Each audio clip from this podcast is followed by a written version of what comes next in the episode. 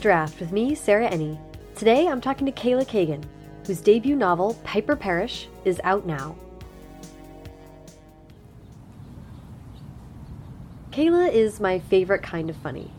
A clever worldview, but one that doesn't stray too far from the heart. She may be new to the teen book publishing game, but she's an old hat at storytelling. Kayla is trained in theater and worked as a professional in New York for years before heading out west and beginning a new creative phase. I loved hearing her thoughts on evolving as an artist, for reasons good and petty, and learning to accept and appreciate that evolution. So get a playbill and a Frida Kahlo biography and enjoy the conversation.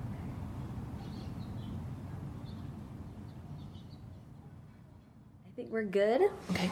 Um, so, hi, how are you? Hi, I'm good. Thank you so much for being here and talking with me. Yeah, I'm so excited to, to hang out with you. Yeah, thanks for having me over. Uh, so, uh, so you know how we like to start the podcast, which Yes. is um, where were you born and raised? Uh, I was born in Houston, Texas, and um, I was raised there and reared there, and I lived there until I was in my 20s. Um, and then I went to college in East Texas, far East Texas, um, in a town called Nacogdoches, which is the oldest town in Texas. When you were growing up, I read that your mom was is an artist. Yes. What kind of? Uh, my mom owned a ceramic store, and she had, uh, and she was a potter as well. She had a pottery wheel, um, but she did that for about twelve years, and she closed the shop. Eventually, she had some arthritis going on, which is really hard when you're a professional ceramicist Yeah. and a teacher of ceramics. I'll tell say this: ceramics is not the most lucrative position. Um, so I think there was a point where she's like, "I need to take care of the family.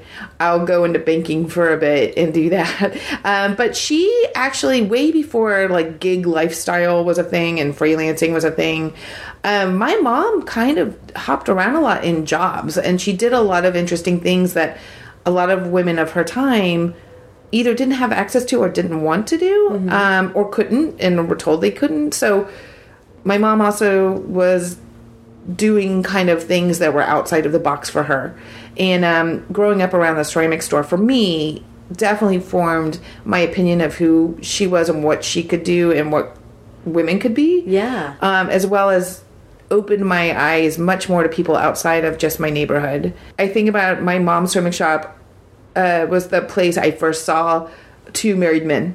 I met them at five years old, and I never knew that they couldn't be together. Right. And I also met all kinds of wacky uh, characters in the ceramic shop that were just kind of outside the norm of who was hanging around our neighborhood. So it was a great place to be.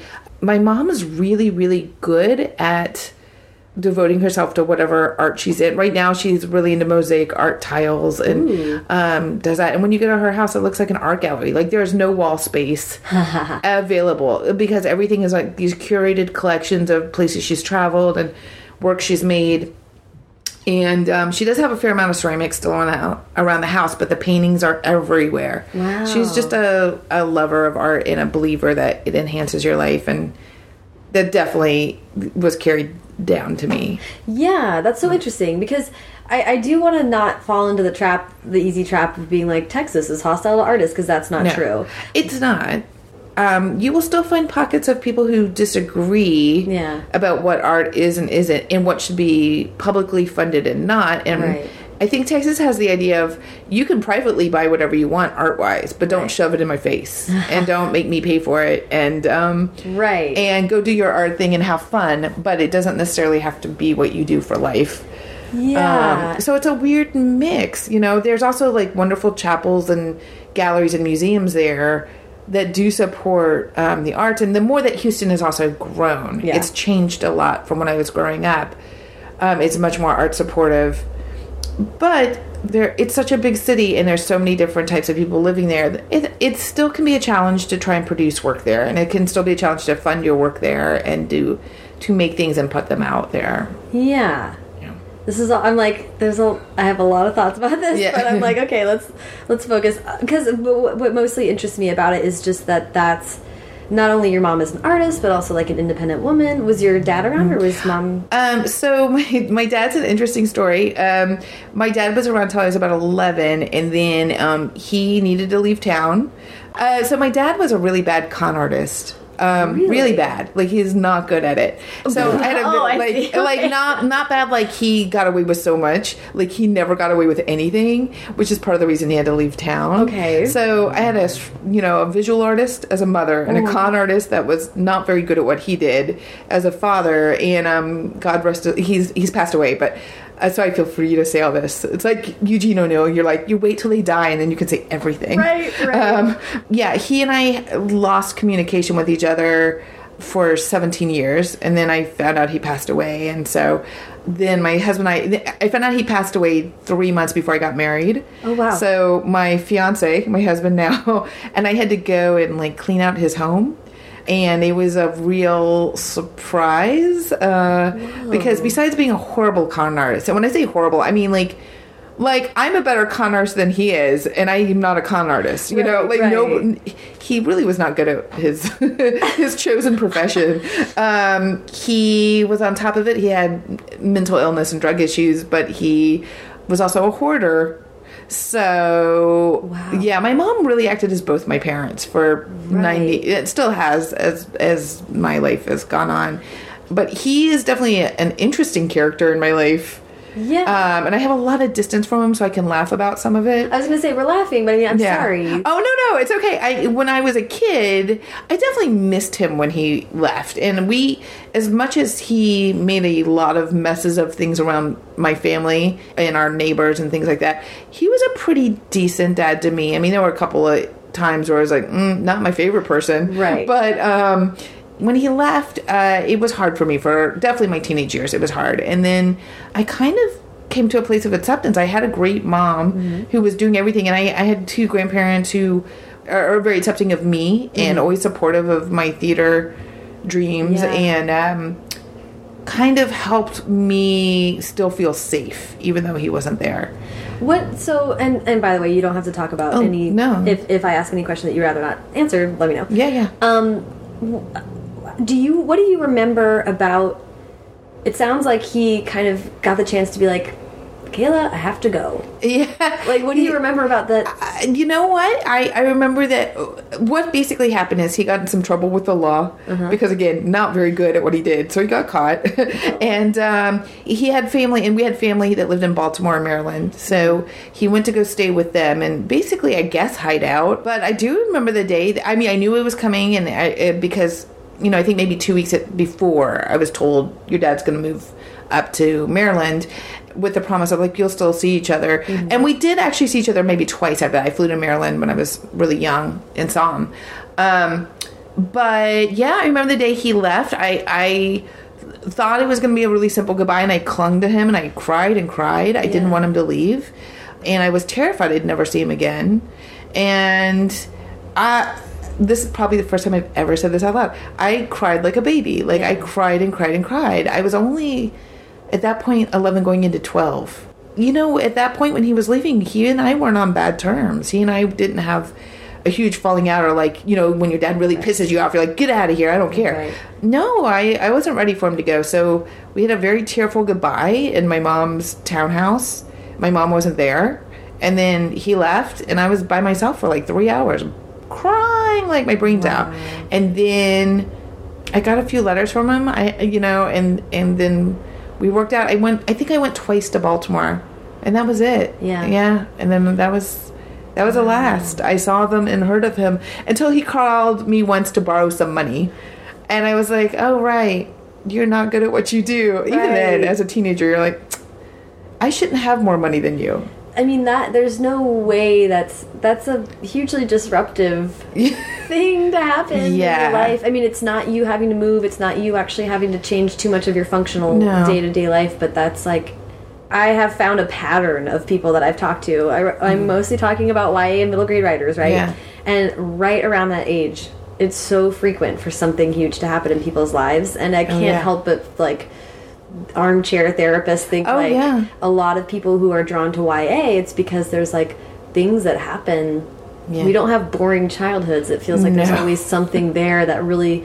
I think it's fre- what frequently is. It's something that's really emotional and intense, like moving or having something like this Yeah. happen or a death, that thrusts you into a more grown-up way of thinking about your, the world around you. Absolutely. I mean, like writing books at that age seems natural because it, I don't feel like that person was childish. No, not at all. And one of the things I, I really don't like, and, and most of the books I read don't have this happen, but every once in a while I stumble on one where I feel like a young person is written in a really condescending tone. Like Yes. they don't get divorced, they don't mm-hmm. get a family breakup, or some, they, that they're not aware that something is wrong in the house or, or in their life or at school or, or wherever.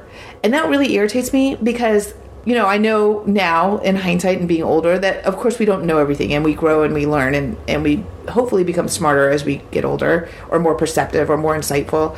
But definitely as a kid, I was fully aware that our family was not functioning the way that I had thought it was supposed to. And I don't mean leave it to beaver. I just meant like leave it alone. like it should be okay. Like it, this should be a little more okay than it is. Right. And um, my father and my mother, before my father left, they had divorced, and he had an apartment, which I thought was really cool because I'd grown up in a house. Oh, interesting. But not only that, I had a my own bedroom there, but he, I had two beds in it, so I could have friends come over, Oh. and um, I thought that was the coolest thing in the world, and that's what I remember feeling the most kiddish about. And so that might have been the most naive I was because there were definitely circumstances around that that I should have. At that point, he was like involved with some mob situations that, again, not very good at them. Right. So I, sh- I was around a lot of dangerous people I should have never been around, and things like that.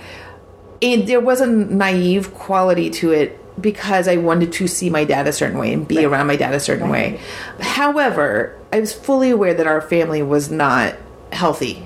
Other people didn't have the police coming to their house a lot. Right. Other people didn't have secrets, as far as I knew. And my mom used to say all the time, I think from her experience of working in the ceramic store, she's like, Kayla, every family has problems. Every family has problems. They may not be the same problems. Right. They're not your problems, but they're problems. And I used to be so violently angry at her about that. Like, just like, how could you say that? I have friends, I go to their houses, they don't have problems like me. Oh. However, they did have their own problems. They just didn't show them every time I came over. Right. That's And interesting. I was furious at the idea that I was told we had normal problems. We did not have normal problems. And most of my neighbors probably didn't have normal problems in their own ways. I really hate when I see a young character built in TV, film, books, whatever. I hate when they're treated like they don't have a brain or that they're so young and fragile they couldn't possibly understand conflict. We're born understanding conflict, I think. Mm-hmm. We don't always know what to do with it, we don't always know how to survive it right. but it is there and it's Yes. real, you know. Yeah, and and kids pick up on things whether or not they're able to address it eloquently or Yeah, on the, on the face. That's like that's where yeah you can have like you're saying the naive, naive Yeah. feeling sometimes. But but I've read similar books where I'm like the author and the character there's actually such a deep divide between them Yeah. that this is like the least effective story about a kid ever you know Yeah, it's, it's yeah. not actually taking it's not meeting a teenager where they're at and being honest about Yeah. like that experience, you know, which is frustrating. When my parents started getting divorced, I think it was about a month before that, I was given a diary and um, it, had, it was blue and white checker and had a little bear on it and a little lock.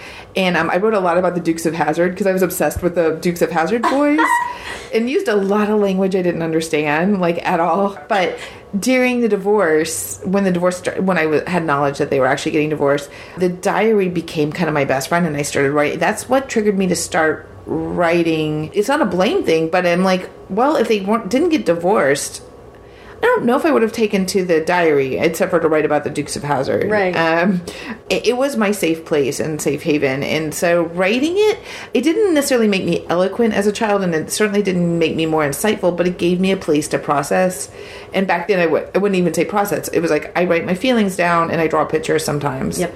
And it was a place I felt like I was being heard. Yes. You know, um, I, it, I wouldn't say that my family was not they weren't disrespectful to me but there were bigger problems to handle than me maybe being upset Yeah. there was a lot of learning to keep my emotions to me Mm-hmm. and not necessarily depending on people to take care of them Yeah. which is also i think i think a lot of teenagers and young people learn Mm-hmm. or unfortunately or they have each other right. but right. um, when I was growing up, it wasn't as social as it is now. Not everyone shared every feeling they had. And I find it both fascinating and fear making. There's part of me that's like, don't you want privacy? Don't you want to have time to figure things out yourself before you announce things? But Josh, my husband and I talk about this a lot the difference between privacy and transparency and what is more important oh. in life right now Right. for people. And transparency and visibility are extremely important. Mm-hmm. And I value it, but I grew up in such a different way, it's very hard for me to be like that. Yeah. And I respect people who do. Yeah, it's a really interesting question. That's a really interesting point because yeah, the the I think teenagers today first of all don't understand mm. the degree to which they could be more private Yeah. because it is so run of the mill to just put all of your stuff Sure. online. Yeah. And I'm trying not to sound like like a fogey here, you know. No, I, mean? th- I feel like um, I mean I'm I'll say I'm in my 40s. I feel like friends in my 30s are way more transparent than I am. Right. I don't even think there's a teenage thing. I think I'm off by like five years of being one of the people who are like willing to expose more of myself, but also get more help Yeah. for that. I like literally. I see certain friends post things, and my first thought is, "Do we call nine one one?" Like I'm so worried about them, and they're like, "No, no, no, I was just letting it out." I'm like, "Oh, I don't have that gauge or edit to know if that means things are you're on the last of your rope or you, you just needed to vent because you're angry." Um, especially when you have found so much solace and so much positive and helpful personal work within a diary context. yes, yeah, It yeah. seems it's like the outside voice. To what degree would that even be helpful? Yeah. Oh, it, it's. Uh, I mean, I think it can be helpful when you f- are feeling on your own and you want to connect. I certainly using Twitter and I, I, right now these days I'm really more into Instagram because it's it's cutting out a lot of the noise for me. Yeah. I can't wait till later this year. Yeah. I'm going to take a very long break from it because the input I get, um, I'm not I'm not good at filtering it. I'm not good at editing it. I think about it. There was a point I was going to bed at like let's say 12 or 1 right the last thing I was doing before bed was reading Twitter, being upset, falling asleep for six hours, waking up at seven, and reading Twitter. Yep. So six hours of not letting my brain rest. Yeah. Or letting my brain rest and then uh, poisoning it again. So, but basically, it, it is a struggle because I think um, social media is like a great place for young people to reach out to each other who need help. And when I say young people, I mean still people under fifty. Yeah. But I, I also think you have to kind of analyze what you're getting back. Yeah. Like, you can't just be the sponge. what we just said about social media does make me think about like part of being offline is finding other ways to express yourself like in art and like figuring out these other ways to process things. So you have your diary and you have i mean what and you have i mean your mom is an artist so you're Right. seeing that as a way that people can work through things and express themselves. What and then you were you got into theater a lot right? So how, how are all of those things kind of at play with you as a young person? Um, well, and then also books and reading. Oh yeah, books and reading were were um, you know people always say like they're my best friends growing up. They were some of my best friends. Like I had actual human best friend. so I, I was like, oh no, we're I'm a big reader, but uh, I I loved reading as much as the next kid. But I wouldn't say I had the best taste in the world. I had like so like I love Choose Your Own Adventures and Sweet Valley High, and also The Outsiders. Like I lo- I kind of love the mix of high and low. It wasn't like oh I, I started reading War and Peace in fourth grade. For me, actually, um, I think because I was a latchkey kid for a lot of time, I, TV really was like a big source of entertainment for me. And when we got our VCR, I mean, I'm Oh, dating yeah. myself here, but like when we got our VCR, it was really crazy that I could watch movies that I wanted to watch, um, TV's movies. And then by about middle school, I was really involved in theater, and I had told my mother very early on. I decided I was moving to New York City. Really? And, oh yeah, like sixth grade, I, I was like that's a city. I never wanted to come to Los Angeles or Hollywood. Um, I love it here now, by the way. But I, as a kid, I was like, why would I go there? That's not theater. That's TV and film. I'm going to be in plays, and I'm going to work on plays, and I'm going to make plays. That was How do you think? What was your introduction to theater? Theater. uh, you know, I, I remember seeing a couple of plays in elementary school. So where I grew up, I was one of the only Jewish kids, and we had holiday pageants and Christmas plays and stuff. And so, as one of the only Jewish kids, you always get asked to read the Hanukkah passage, Oh, right? interesting. Or always sing a song about Hanukkah or whatever. But in fourth grade, um, I had a teacher Miss Graham, who um, was in charge of the Christmas musical. And I remember her saying, You should be on stage. You have a loud voice and you don't mind talking. Which is not a compliment necessarily, but I was like, at the time, I was like, You're right. I should be. And I took it as a compliment because I'm just an optimistic person. Yeah. But I was really excited. And I thought that meant, like, again, the Hanukkah part because that's what I was doing. She said, You're going to be the narrator and you're going to be on stage the entire time. And to me, I was like in heaven. I was Yeah. like, yeah, put me up there. I'll do a one woman show. But, you know, I didn't know, I didn't know what it all entailed. But I, I had this little elementary school kind of uh, love because I loved being in plays and I loved being in front of people and making people laugh. And then um, my mom enrolled me in a little theater training workshop class in Houston. And we did um, The Emperor's New Clothes. Oh, yeah. And I got to work with all these cool adults and teenagers. So basically, I, I, I in elementary school, I started kind of a love of theater. In junior high, it was nurtured by teachers, and um, my family was always very supportive of it. I think, I think they were really happy that I had an outlet and a thing to do after school and Yeah. go to rehearsals, and they, and then um, high school. I devoted even more time and decided actually the more and more that I was on stage, the more I wanted to play with the words. I definitely thought I knew better than some playwrights, which is not a Ah. great thing to do as an actor. Hilarious. But I, um, it really started developing a love of playwriting and directing for me, and and really acting. Not only was I not a great actress anyway, but I it kind of fell to the wayside. I just really wanted to work on the plays. I really wanted to direct, um, and by the time I got to college, that was what I was going to put all my energy into. And about the community, I have this like.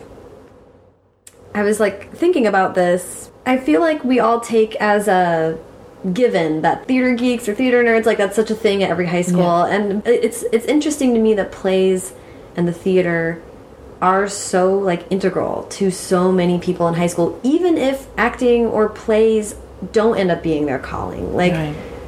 even kids who may have who end up going to do totally totally different things like that ends up becoming this sort of like incubator for a certain kind of person at that age like what do you think is Well, uh, okay, so I think kids are drawn to whatever they, they're interested in, what they're good at, whether it's sports or arts or music or whatever.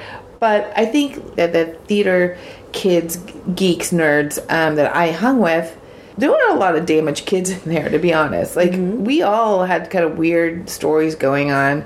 So you're thrown together to work on a project, and you all have the same goal in mind.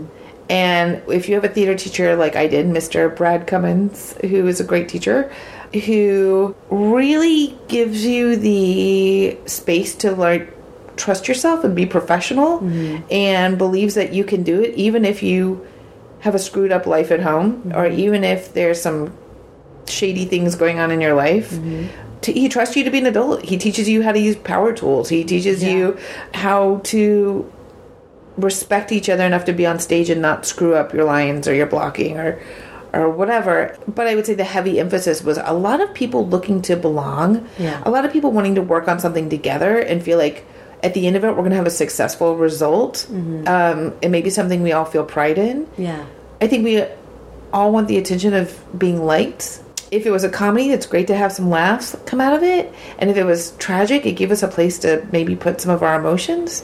And it strikes me as interesting that and I, I do like want to be clear i'm using like theater geek as like Yeah. it's like a, an endearing Oh yeah, Like, definitely absolutely, not like absolutely. um, and there's something about it is sort of a grab bag of people who maybe don't have another place to to Yeah. feel a kind of belonging and then at the end of it you have an audience full of people who are maybe in every other context of your life not supportive of what you're doing yeah, but you put on something and then the rest of the school has to come in and sit down and see it and they clap for something that you did when in every other maybe avenue of your life there's no communication there or there's no support between your peer group it, it, it's so perceptive. Like it absolutely, and, and calling it a grab bag of people. I mean, it is that is the most accurate description I've ever heard of a theater department for sure. Um, and I guess I never even thought of it. That that's true. The audience that comes in, maybe people who disregard you outside of the theater department, including family members, not Yeah. just other students or teachers.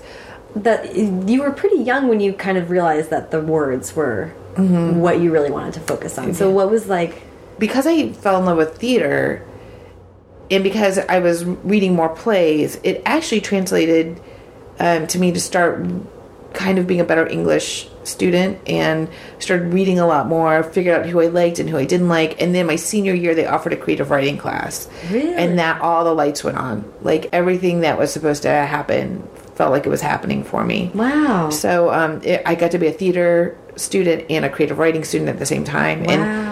Like if I could give that senior year to anyone, I would because it was so fantastic for me. And my That's teacher was great.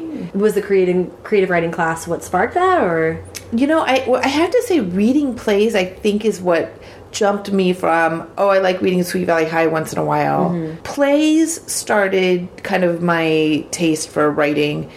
And then, really, poetry was my next love. Devoured poetry in high school. I had a tiny bit of a little shoplifting problem in high school. What? See, this is the part of my dad that I inherited, but oh no. but I used to steal poetry books, and um, By the way, that's so like adorable. well, I was gonna say if I'm gonna get busted for anything, that's like I guess I don't have shame in it. But by the way, nobody steal books. Don't Right. steal stuff off the internet. I don't do it anymore. I, because of that, I make larger than large contributions to libraries because of my horrible behavior. And if you're doing that, stop it Yeah. and and go donate to your library. what I wanted, especially Tennessee Williams, was my big playwright that really moved me into wanting to write plays. I didn't want to write anything better than him. I wanted to write as good as him. I wanted to break hearts the way I felt like he broke hearts. And he was the first playwright, I think, even though, of course, like Shakespeare writes about dysfunctional families. But to me, that was all language, language, language. Yeah. You know, like I didn't necessarily take it in. But Glass Menagerie broke me in a way that I didn't know was possible with a play. Yeah. And I liked funny plays up until then. And then I was kind of like, oh, guess what, everyone? I'm going to wear all black and read Tennessee Williams and I'm going to smoke a pipe. Amazing. Um, and I'm going to find my way into being the saddest poet and the saddest playwright you've ever met. oh my god. So there's a big chunk of time of my life that I tried to be that, hoping I think that it would help my writing. yeah. But really, you write the stories you're you're going to write. Right. So so talk to me a little bit more about that. Going to going to college and and thinking about directing. Um, yeah, I, I went to a school called Stephen F. Austin State University um, in Nacogdoches. Uh, so I was I was in this kind of small, almost conservatory like feel of theater people, and we all stuck to it, and we all really band together. I met my best friend there, who eventually introduced me to my husband. Like that place really gave me a lot of growth. But one of the things it did because there was a lot of opportunity to have hands on in all areas. I studied lighting and set and costume and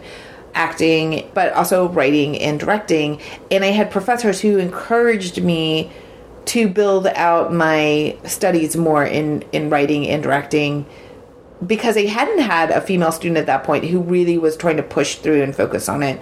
And um, when I found out that I could also be a writing minor, I started taking more writing classes through the English department that would my theater department agreed to let them count towards my degree.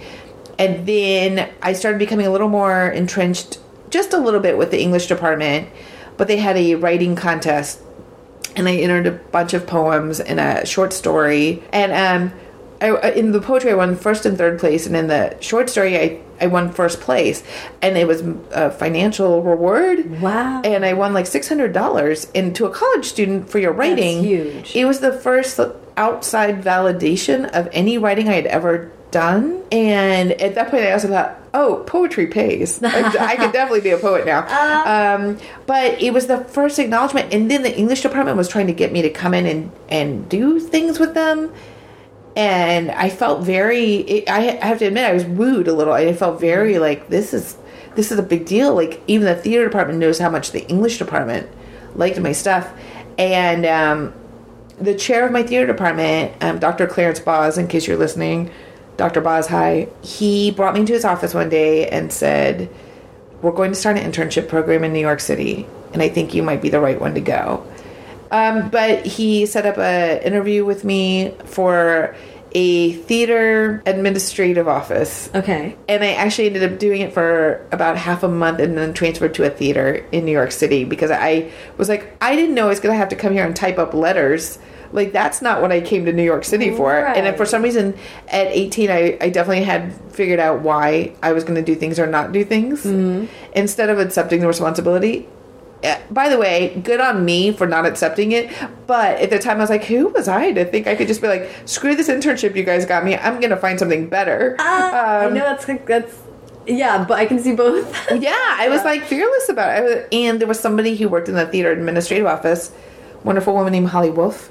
And Holly said, um, I think I have the theater that you should work at. And she helped me get away from the other place I won't name. Good. Um, and I That's so interesting. I had a great relationship there. But but um, in college, I definitely I got to direct a lot. I directed the plays of Samuel Beckett. I directed short plays of Tennessee Williams. I directed Paula Vogel's The Baltimore Waltz. Um, I just had a wonderful theater experience at the time. All those students that I had, we all thought if we were at NYU, we would have been doing better. If we were at Yale, we would be doing better. If we were at Juilliard, we would be doing it better. And maybe in some ways we would be for the networking and and of course from the things you learn. But the people i know who are who got through the program with me they're still creative. One of them is the head of acting at penn state now. And Wow.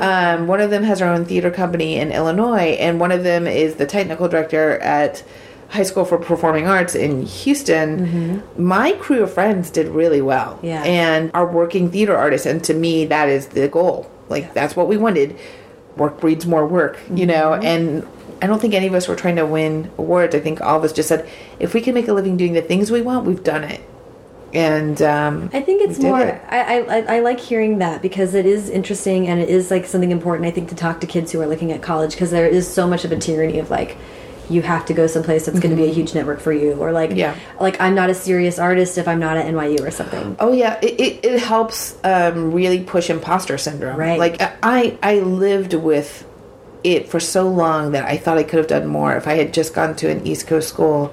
And cut to years later in New York, I ended up working at Juilliard for eight years in the theater department. I got to Juilliard, just not the way, not as a student and not as somebody who was going to have an acting career from it, but I got to do projects there and I got to work there. And was it valuable and great for networking? Absolutely. All those things were true.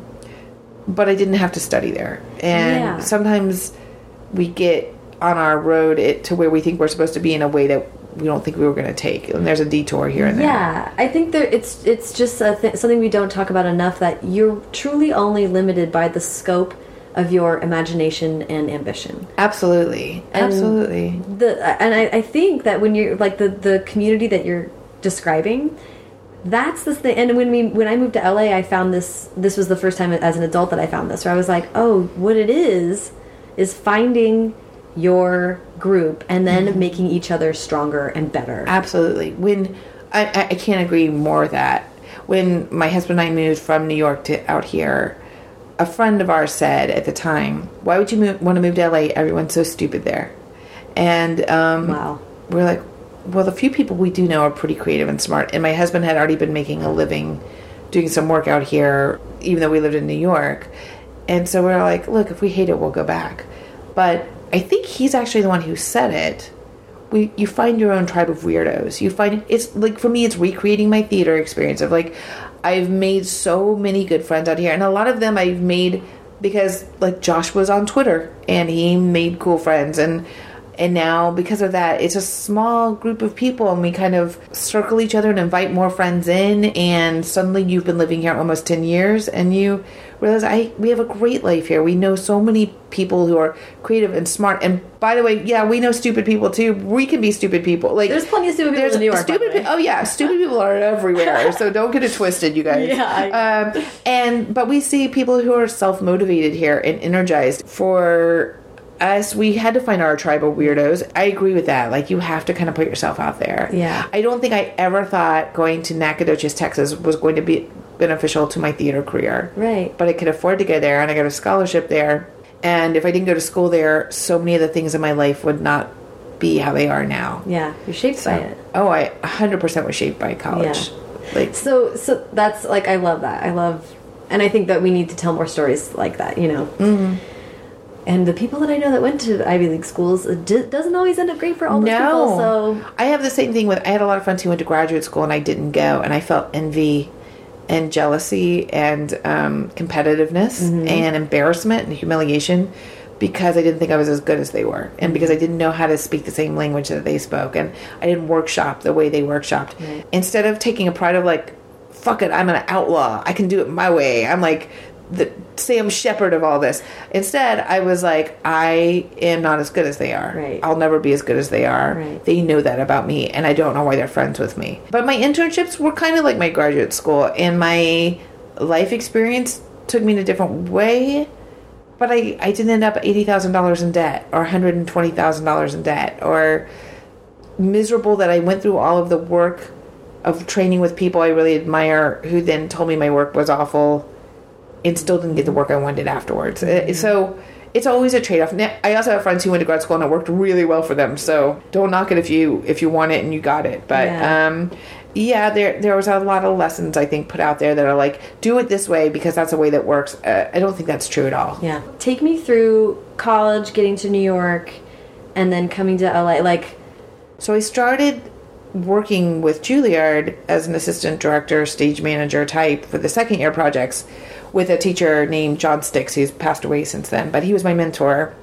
And he and the administrative director now um, of the program, Kathy Hood, who was there at the time, both started getting me lots of freelance work. Like Oh, they, wow. without being agents, they just kind of started recommending me to things, Wow. and I started kind of getting a little name around the city. And um, John Stix was a mentor in so many great ways to me. But um, one of my favorite stories about him is I was directing the Zoo Story at a small theater, at Edward Albee play, and he asked John to come and see it for the final dress rehearsal, and he said, "Oh, absolutely not." And I was like, "Don't you believe I can do it?" You know, like. I've I've been working on your shows for a long time. He's a he was a much older man, very curmudgeonly, and um, he said, "I said, won't you please like come do this for me?" No, absolutely not. I said, "Why?" And he said, "Because I'll ruin you." And I said, "Why?" And he said, "Kayla, I directed the very first workshop of this play with Edward Albee. He's like, there, I, there's no way I can be unbiased." whoa. And then I was like, "Oh my god, thank you! Don't come, please don't come!" like I was terrified. How I didn't miss That's that in my research. I don't know. And I asked him, I was like, "I researched you weren't listed on the Broadway production." He was like, "I didn't direct the Broadway production. I direct the first draft of this play." whoa. I, and then I was like, well, there's a story. Like, give me all the. Why Yeah. didn't you end up directing it on Broadway? But um, the fact that he saved me, that sometimes you don't want the people you idolize to come see your work, and you don't want them because that can be a huge risk that you had no idea um, what their own experience brings to it. But you know, so I learned all these kind of weird little invaluable lessons outside of just staged uh, uh, lessons. And then I was offered a full time job at Juilliard, and then I was there full time for six years. So I did that for a long time, and because of that, and because of working at Juilliard, it opened a lot of doors. Uh, that's when the networking came in.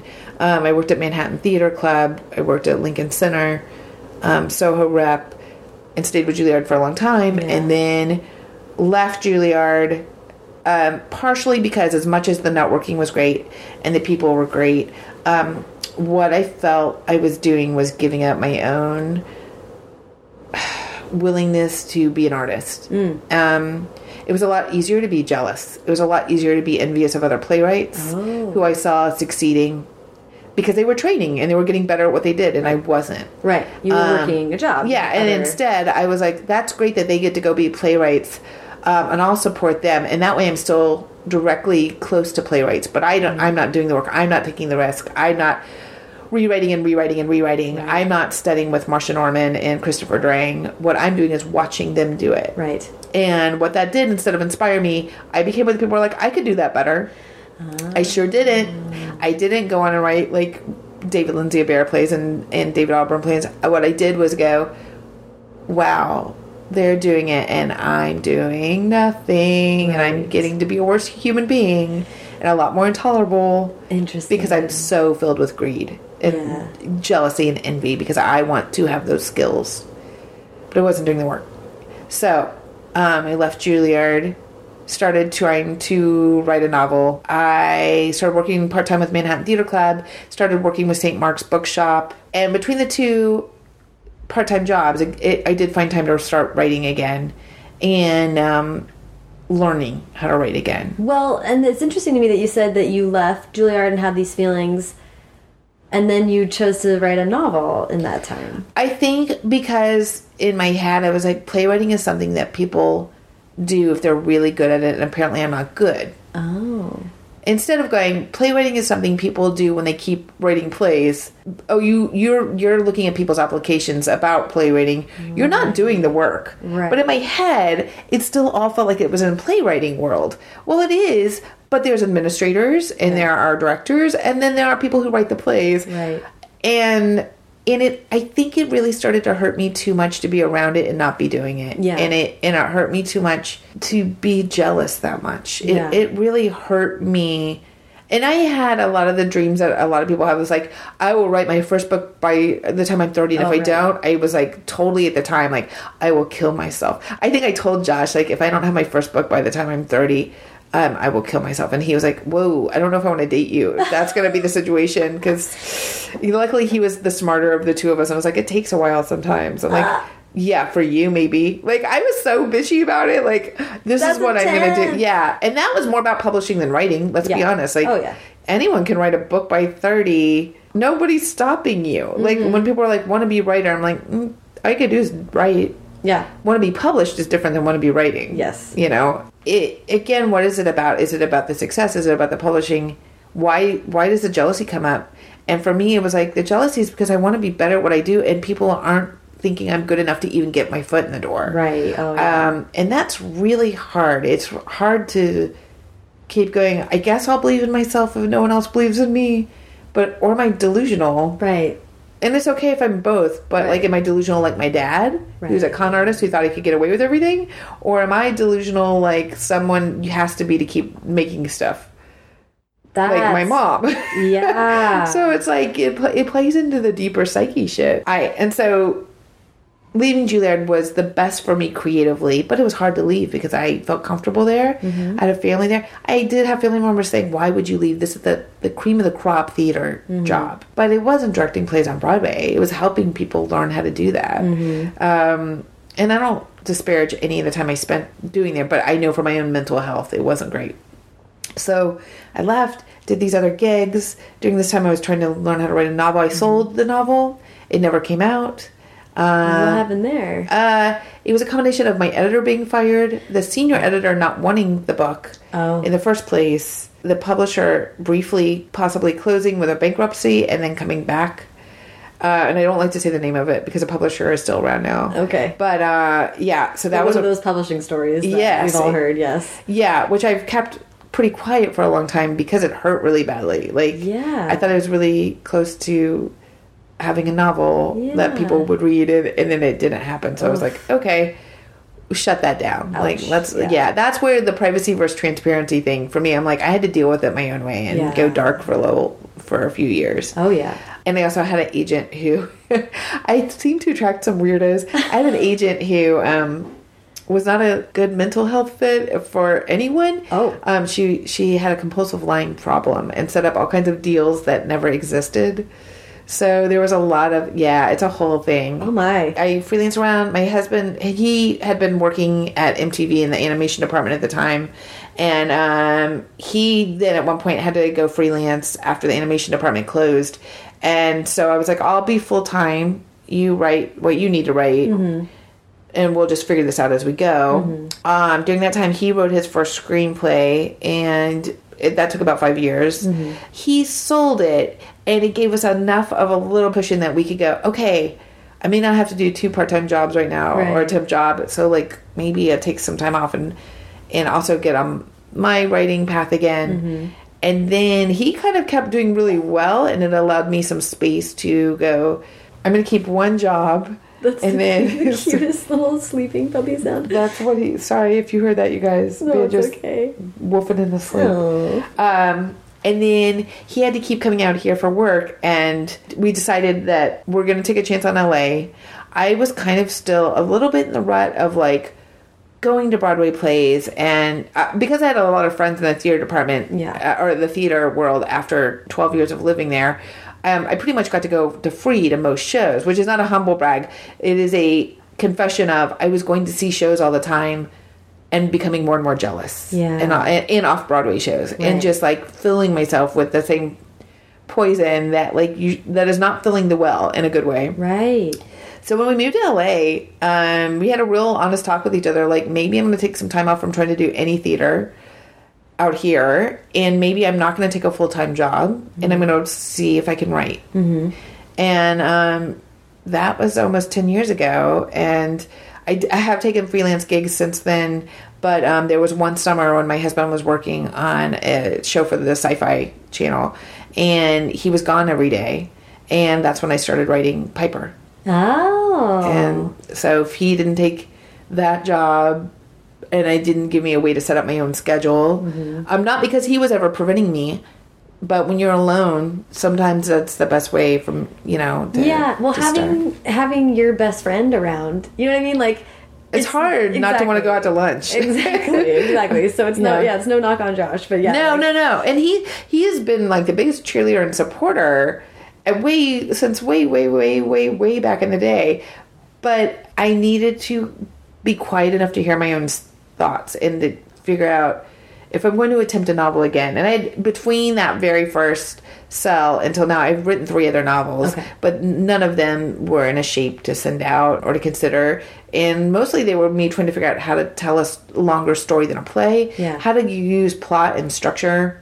And then I realized that what I really wanted to do was write a diary and write a journal from the Piper's point of view, but at the time I just knew a character's point of view. Mm-hmm. I kind of thought it might be the last novel I write. I'm like, this is it. If If this if I don't sell this or if I don't like it at the end and I don't want to put it out in the world, I'm, I think I'm just going to take a break Mm-hmm. and I'm going to just go back to finding out a normal job Mm-hmm. with normal expectations. And um, I had to get real quiet. And, and Josh and I, even though we have a very quiet dog, we are two loud, loud people. we take up a lot of psychic energy and a lot of space. Um, I think I needed a quiet, quiet house. I think I needed. Yeah. You know, Virginia Woolf had a room of her own. I think I needed a kitchen table of my own. yeah. Talk to me a little bit about New Year's resolution, like the genesis story for the book. Um, so I, I'm in a writing group here, and they've seen several um, drafts and pieces I had worked on before. But I had kind of come up with the idea. I told them, I said, I think I want to try and write a book where I write every single day. And at the end of this year, I'll have a draft of a book. But it's only like a page or two a day, or however much I feel like. But I'm going to try and take 30 minutes a day and write. And they're like, cool, go for it. Like, and I was like, I, I think it's a high school senior. I think it's her diary. And that's why it could be every day. Mm-hmm. And so I started it on January 1st, 2013. And then I did it. I, I wrote for a year, got through a draft, and I had, I think, like 383 pages at the end of the year. And then I started reworking it and reworking, it, and they helped me a lot um, kind of get specific in the voice down. It's interesting to me the idea that you felt like it was time to explore a story through diary. Mm-hmm. I mean, because you are you still keeping a diary? I do. I've Yeah. been keeping one since fourth grade. I am still writing a diary and a journal that is not an everyday thing, but like at least four or five times a week. yeah. Wow. Um, yeah. That's really so almost every day. And um, I wondered why the diary form because I actually thought I would commit to it that way. Yeah. And it allowed for a little space of like, oh, well, I'm not lying if I do the work where all her diary entry is like what she had for lunch. Right. Idea. It worked for me. I have to say, so there's a, a famous Robert Hass quote, who's a poet, and it is my gospel, and I tell to everyone, and it's write half an hour a day, or write 30 minutes a day, you can do your life's work in half an hour. And um, I know other writers have used it. I know people in my writing group have used it when we've felt overwhelmed and a little bit like clinging like we need to get through this chapter or what are these pages. But i think for writers it's really um, a great starting point. Emerging or established writers who are maybe just in a rut or maybe just trying to find a way to fit into their life schedule with children work two jobs three jobs you Yeah. know um, it's really hard to squeeze time in. For me writing every morning from 10 to 10.30 and sometimes a little longer but i tried to like stick to that so i actually gave myself a boundary like you can't write anymore. And there's nothing better than leaving off like on a word that you know the next like sentence and Yeah. you're so excited to like get back to it and go nope you don't get to enjoy it today. You get to do it tomorrow. But it starts you off in this great place of anticipation and not dread. Um, once i started my habit of like 30 minutes a day and really got hooked on it when something would throw me off of that pattern, I got frustrated. but Ah, right. Not enough to stop working, Right. just enough to be like, oh.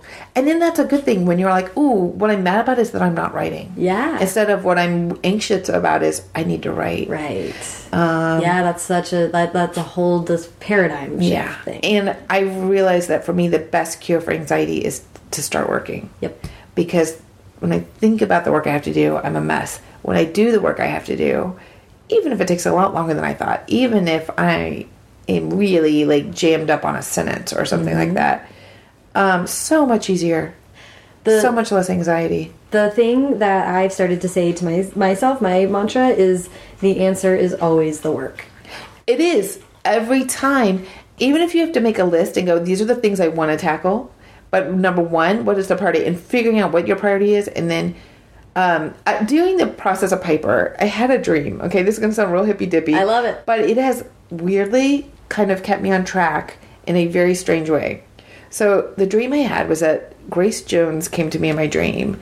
And she took me by the shoulders, and she had a great suit on because she always has a great suit on. She shook my shoulders and said to me, "What is your creative priority?" And I looked at her, and then she like said it several more times, and then my dream ended, and I woke up and I felt like this joy and this light and this focus, and I was like, she's come to let me know that I it is time for me to do my work.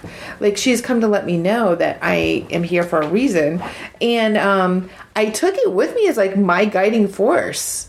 I don't have regular dreams of um or typical dreams of like visiting artists. Like, I don't have visiting dream artists or anything like that. This isn't like one of a series. No, I wish it was. That would be so great. Um, I could use that every week, but but no, and I and because at at the time I was balancing other things as well. I was like, well, my creative priority is this book. And a friend of mine who's an artist um, back in New York, she's an actress and she's recently kind of become a writer. She's she's telling me about all these different projects she had going and interest in, and she said, I don't know what to pick. And I was like, what's the one you care about? She kept saying, well, I, I want to do this and I want to do that. I was like, what is the thing that you can't stop thinking about? Yeah. What's the one that you know is the right one? We have to get really, really serious because you could have all those projects not all at the same time. Mm-hmm. They don't have to go away. They just mm-hmm. are not there right now. And she started focusing, and then she created the project she wanted to work on and she she of all people started working with Al Roker because of it because he also has a producing company and he took on her webisode that she was making and things have been going super well for her oh since Oh then. gosh. but it was a thing of like she had to get focused. She had to because we have to eliminate all these great i- things that we want to do and the great ideas we want to do but it also causes anxiety. It also is distraction. My worst distraction when i'm not writing is suddenly i get anxious and then i go i should be going to the gym i should be working out i should be taking care of our taxes i should be doing these things because i'm just spreading the anxiety everywhere Yep, yep. instead of if I do my work, then afterwards I'm like, you know, I'll go to the gym. Yeah. You know, I'll do the taxes. Yeah. It's misplaced anxiety. Yes. Um, It doesn't have to be there.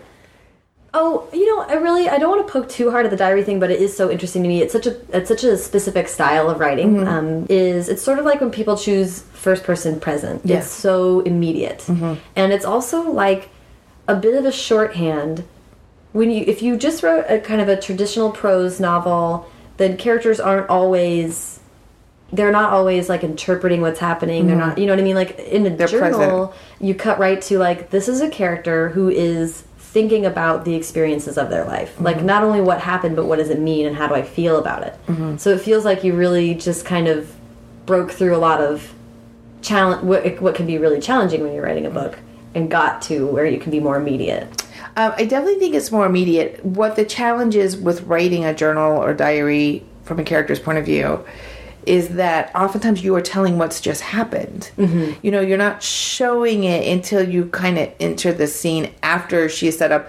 Oh my God! At lunch, this happened. Right. Um, so a lot of it is telling versus showing. In novels, you have to show. A play, you can tell Right. because then somebody else is going to see it. Right. Because somebody else is going to direct it and show it. Right. But in a novel, you're supposed to show everything. Mm-hmm. You know, um, it's who wants to be lectured, right? So, like, I think for young readers, it's a little bit of a challenge to just be like, oh my god she's so inside herself well when you're writing a diary or journal no matter who you are it is your point of view you're not writing it for an audience it's myopic so i enjoyed it very much because i like to i like to know how people think. I like to know the dirty side of them. I mm-hmm. like to know that like messy lives especially of creative people artists and writers intrigue me. Mm-hmm. Those are my superheroes. So i like the mm-hmm. idea of like let's make a superhero origin story. A lot of times when we learn about artists or writers we hear about their their infanthood and then we hear about maybe college and on. I kind of like the stage of like wait what was picasso like as a teenager? Mm. I mean yeah I, I was just kind of wanted to get immediately inside of an, a young artist's head and that was the easiest way for me to do it writing a diary from a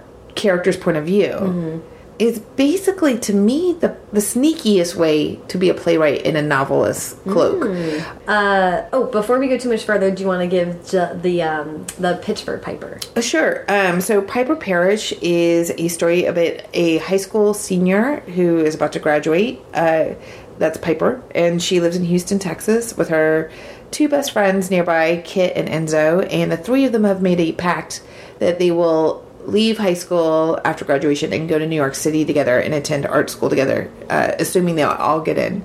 And um, what happens, as we know, when you make best plans, they don't always go as uh, as planned, so to speak. So Piper gets accepted, and her friends have other life curves thrown at them, and it's about what happens to their friendship as well as in her own family and the dynamics of her family. Um, And it's a contemporary with some romance thrown in there for fun, and. Um, yeah, it's kind of seeing the everyday life of this high school senior trying to navigate what her future is supposed to be. Jour- It's her journal where she sketches and scribbles and does drawings, but it's not her sketch pad. And I like to make that really clear too that we have these great little drawings that have popped up by um, Maria Ines Gul, who is the illustrator over at Rookie Magazine. And um, I love her take of how Piper would draw on this because these aren't finished pieces. These aren't like Piper's great masterpieces that she's going to make or that she's making outside of the journal. There's like ink blots and there's scratch outs and um, fun little scribbles that let us see that she's still kind of visually alive in this world. It's not just words. Because as an artist, you want to see the work and Yeah. you want to see kind of what she's doing a little bit Right, right, right. to just give her art to worry about would not be enough. And to just give her family or friends, that could be enough. But I like stories about people with a drive for something. Um, and I often thought weirdly about my niece, who um, is a former gymnast, and her incredible drive to do what she was doing. Yeah. Not because she ever thought, and maybe she did, but not because she was ever like, I have to be in the Olympics but she, the adrenaline and the ambition that she had when she was pursuing it, no matter her concussions, her broken bones, everything that came along with the struggles of being a gymnast, none of that threw her off her course. Yeah. She had struggles with my family, she had struggles with her friends. But where did we find her day after day? Always Yeah. at her gym meets and always at her, um, not rehearsals, her practices. I think when you love something outside of your friends and family and you're a teenager, you're very lucky. Yeah. It can be your safe place, it can be your worst enemy, it can be these other things, but it adds dimension to who you are in your life. And I resisted making Piper a theater kid because in my own head, I was like, that's too easy because I know theater and everyone will think it's straight up biography. Right. And it's really not. There's a couple of story points that are I reference because it's that's what I know. Like I could write about Houston.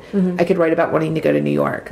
If I started writing about theater stuff, it would be really too hard not to make it biographical. Yeah, yeah, yeah, yeah. I, I will say that um, I just did an interview yesterday, and one of the and the radio host I was talking to was actually has a degree in fine arts, and um, he was talking about he's a visual artist outside of being a radio DJ, and um, one of the things he said is that I like that Piper thinks that she can make a difference in the world by her art. Yeah. And um, I think just kind of tying into what you're saying about the world and politics and charity, um, when we give the best of ourselves, we we do make a positive difference. Yeah. And sometimes we start off as in a very self-serving way, but a lot of times we can turn it can become a public service. And Yes. and that there's nothing wrong with that. And there's it should only increase the joy that comes from it. So Yeah. I was I was happy that he kind of connected with that on an artistic level and also he felt like art was service, and so that was a good uh, eye opener for me. Yeah. like good r- reminder. Yeah, that's and it has been like yeah tough for a lot of people in artistic fields Yeah, to be like we're not lawyers, we're not doctors. What we do and help can't always be seen. no, Uh, but you know, th- I also see people online now reading more than ever, Yeah. and, and what we're doing is providing a little escape. I mean, honestly, no matter what kind of story you're telling. You're providing entertainment and escape when people need just an hour or 10 minutes to like have a break in their brain and enjoy something and then go back to reality. I love that. Uh, so I'm, I'm interested in like you start Piper with this very specific kind of methodology, and you said it was like this book where you're like, if this doesn't work out, some time for something new. So then it does work. You get this great deal, and you have a second book that now is on a deadline. Yes. How did you go about the follow up project? Um, so the deadline it was last night at midnight, and so my brain's a little hurting right now. But um, uh, so I actually my my agent Molly at the time, she negotiated a two book deal, and um, when we were still finishing up editing and getting book one ready for everything, I was kind of on hold waiting to find out if they wanted a one off or maybe a sequel, which I I wrote Piper not with a sequel in mind. Right. And I was like, that is a standalone book. And then Chronicle said, we want a sequel. And I was like, okay, I'll figure this out. So I found out in mid May they wanted a sequel. Okay. And my first draft of it was due August 1st. And this was at the time when I was doing the social media for the LA Times Festival of Books. Mm-hmm. And um, that's not a whole lot of time to write in a, a complete, brand new draft of a sequel for something you had not planned. Yeah. So I wrote an outline, which I had not done for book one. And because Piper has a lot taken away from her in book one, I decided to give her everything she wanted in book two. I was like, this is going to be Piper and the Wizard of Oz. It's going to be great and Technicolor and wonderful. And then it didn't sound anything like the sequel should sound. And, and, and my editor was like, okay, so let's look at the direction of what we've done here. and so we had to kind of rework that. And then I turned in, uh, I had two months to turn in another draft. I turned in that draft and we were closer. And then from November till now, I was supposed to turn in this last draft. I got back my draft January 19th. And then I was supposed to turn in at the end of February. Whoa. Yeah. And then um, I, I, we were going on a scheduled trip that we had already planned, and it was right around the promotion of book one that's just come out.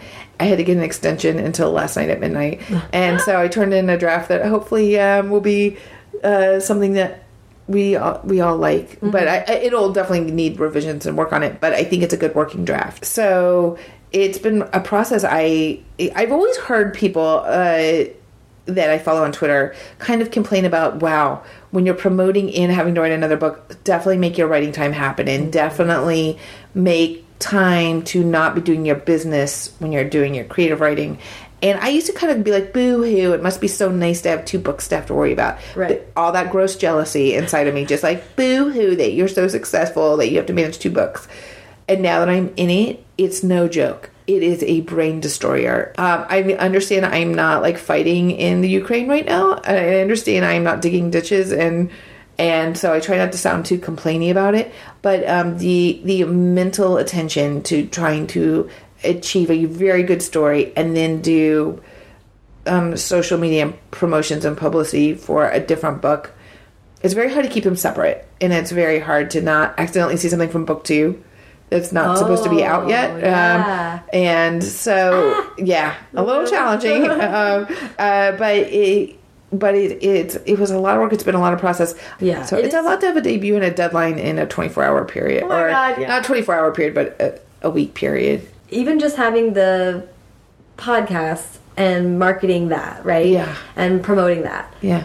And trying to write my own stuff can be I don't know how you do it. It's nuts. It's and it, because it's so functionally two different brains. Yeah. Do you set aside? I've always been curious. Do you set aside time like two to five every day you podcast and like ten to one you work, or It's do you have to schedule like that, or how do you work it? I do. Um, well, I have the uh, day job also, so Mm-hmm. it's like the day job takes place every single morning of a weekday, Mm-hmm. like without fail, and then it's the afternoon. It's about whether I'm doing podcast or creative writing, and often it just is like day on, day off, Right. Um, whichever needs work on that day. Sunday is all always podcast only all day. Oh. So it kind of like Yeah. it, it ends up being this weird way that just works for my brain. But um, but I do feel like I so I go through phases where the podcast takes priority a little bit. I, it, what sucks is that every time it goes back and forth, you're like, if I was just focusing on the podcast more, I like or promotion more, I would. Do, there's all these ideas I have. There's all this whatever, but I ha I can't do that at the expense of my own work. So it feels like you're always making sacrifices, but you just have to. Uh, It's hard. It's really. uh, Do you ever take a day off? Or have you had a day off since Uh, you started all of it? Um, I mean, yeah, sure, every every once in a while, but like n not often. You might want to schedule once a month to have one day where you do none of it. And then, yeah, that's yeah. a good idea. I know your brain will probably spin and you'll be like, I have 20 things to do, but take one day a month. yeah, Like go to the beach or somewhere where you can't access anything. yeah. I mean, And yeah, it, it's hard to balance it all. Again, but you know, I'm like, I know my number one worst quality as a human being is my jealousy. It is in everything, and I hate that I'm a jealous person. And I, I wish I was confident enough to never be jealous over things. But I would get so jealous when I'd hear people like, I have to publicize my book, and I have to go on a book tour, and I have to buy new clothes or whatever. And I'd be like, oh, Right. poor baby. um, and all I wanted was like that. And and when you're doing the daily work and answering to several different people and trying to do your best for several different people, as well as keep your just normal life running. I think it's really good to acknowledge because everyone feels jealous for sure. Like, Yeah. and and those things are easily inflamed, kind of. And it's Oh, good to acknowledge when you're feeling jealousy, and then also like important to talk about like now you've had the chance to be on this side and it's like no really trust me like it, it is hard. And guess what? I still also get jealous on this side, you know, or um, somebody who's gotten a lot of accolades recently has written a terrific book, deserves every accolade she got. And I'm like, I'll never write a book like that. Instead of being like, I'll never write a book like that. Thank God she did. Right. I'm like, I guess I'm not talented. Why? Why, brain? Why not just be happy for someone? right and I actually am happy for her, but um, you know, it, it, the jealousy thing is gross. I, I would like to scoot it under a mat and walk on it. Yeah, it's know? tough to uh, realize when your impulse, like, because then it's also like, uh, like I'm an evolved human, like Kind of. right? Yeah, yeah. You, you get to the point where you're like, where is this coming from? And at some point, it's like, well, just like creatures, you Yeah, know? yeah. So- It's lizard brain. Yeah, yes, Jealousy can point us to where we want to. It Yeah. can be a signal and a signpost. Like you keep caring about this. Why? Maybe do something about it. And then when you do the work, don't you feel less jealous? Oh God, yes, Yeah. yes. And when you there's no there's no better feeling than having written, and then you can yeah, it's just it just changes every. It takes the sting away a little. Yeah. Yeah. Your whole chemistry it's Yeah. it changes. It's Like weird. reset. Uh, well, as you know, we like to end with advice. You've like already given a ton of amazing advice, but is there anything else that comes to mind for what you would recommend to young people Um, or starting writers? Well, to start, I'll, I'll speak more to writers then, but for most creative people and theater people, I think sometimes when we lose our passion or lose what we're focused on or get kind of scared of trying to tackle what we want, I think we forget why. And and sometimes the answer is, well, I don't know why I want to write. I've been wanting to write since I was born, or I don't know why I want to paint pictures. I've been painting since I was a little, and that's all true. But but in the point when we're, we're feeling kind of our most tested or our most challenged, I think it's a good time to step back and go, why? And it doesn't have to be because I'm going to solve the world's problems. It doesn't have to be um, that this is going to make me a million dollars. It can be because it feels so good when I do this, or because it's my therapy, or because when I do this and then my reader or my visitor to the gallery sees my work, it makes them happy. And what I do is spread this news. Or if you're a writer and it's like because this story is burning inside of me, then the how comes. Yeah. it's you know if sometimes when we get lost it's like we say how do i finish writing this book? Why why was the character doing what they're doing? Why are they supposed to be going to this new place? Why do you want them to be there? Why do you want to finish this story? And i think once sometimes we go back to the why we get to the how and then we do. And so i guess it's like the moments you get a little more challenged or you think you can't, just sit down, take a minute, ask yourself why, and maybe keep asking yourself until you really get to know more answers. Mm-hmm. Then start again and and keep going and but if you aren't enjoying what you're making then that might also be a sign that you, that's not the right thing you, to be making right now or maybe you need to work in another genre or another medium but um there, if you're not getting some joy or relief or happiness when you're doing what you do for me it does really relieve my anxiety when i actually do the work. Um, i do get hopeful and optimistic about seeing my character make it all the way through her problems. I think going this is this moment i'm in is temporary. This work i'm doing is temporary. I get to do it again tomorrow. It's not going anywhere. I'm not going anywhere. But if i need to close off for the day i can. I can start again tomorrow but if it just keeps being something that you keep quitting and if you you kind of can't figure out how anymore ask yourself why and go back again Yeah.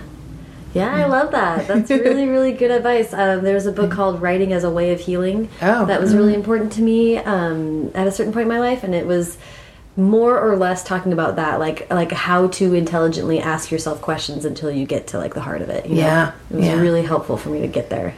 Um, I'll, I may write that title down after I leave. The the two writing books I, I like to tell people. Um, this one's really common and popular, but I swear it helped me on writing by Stephen King. Mm-hmm. I still love it. Um, and Writing Down the Bones by Natalie Goldberg was a really great one for me. Solid. So if you're looking for some inexpensive advice at your bookstore, go get those two books. Yes, don't shoplift them. No, no, no more shoplifting, everyone. Take it from an old pro. Don't do it. Uh, well, thank you so much for Oh my gosh. time. Thank you. It's been a blast. I love this podcast. I listen to this podcast all the time. So You're so sweet. um, I can't believe I'm on it. Yay! Who this knew? is a good one. This is a great conversation. Thank you. Thank you, my friend.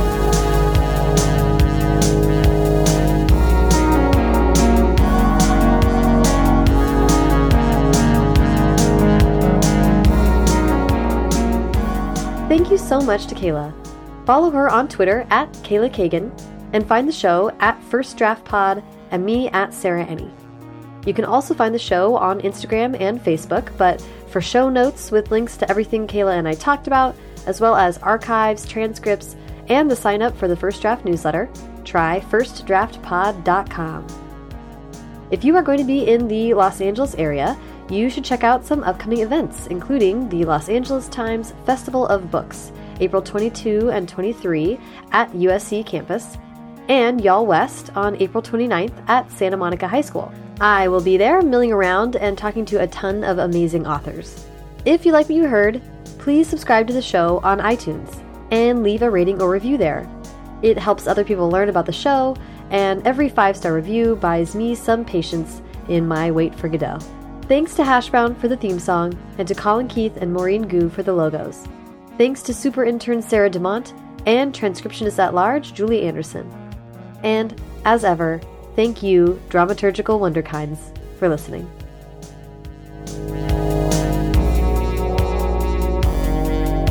There is, Yeah. the, there is the least amount of friction between any sentient creature and being a blogger. I know.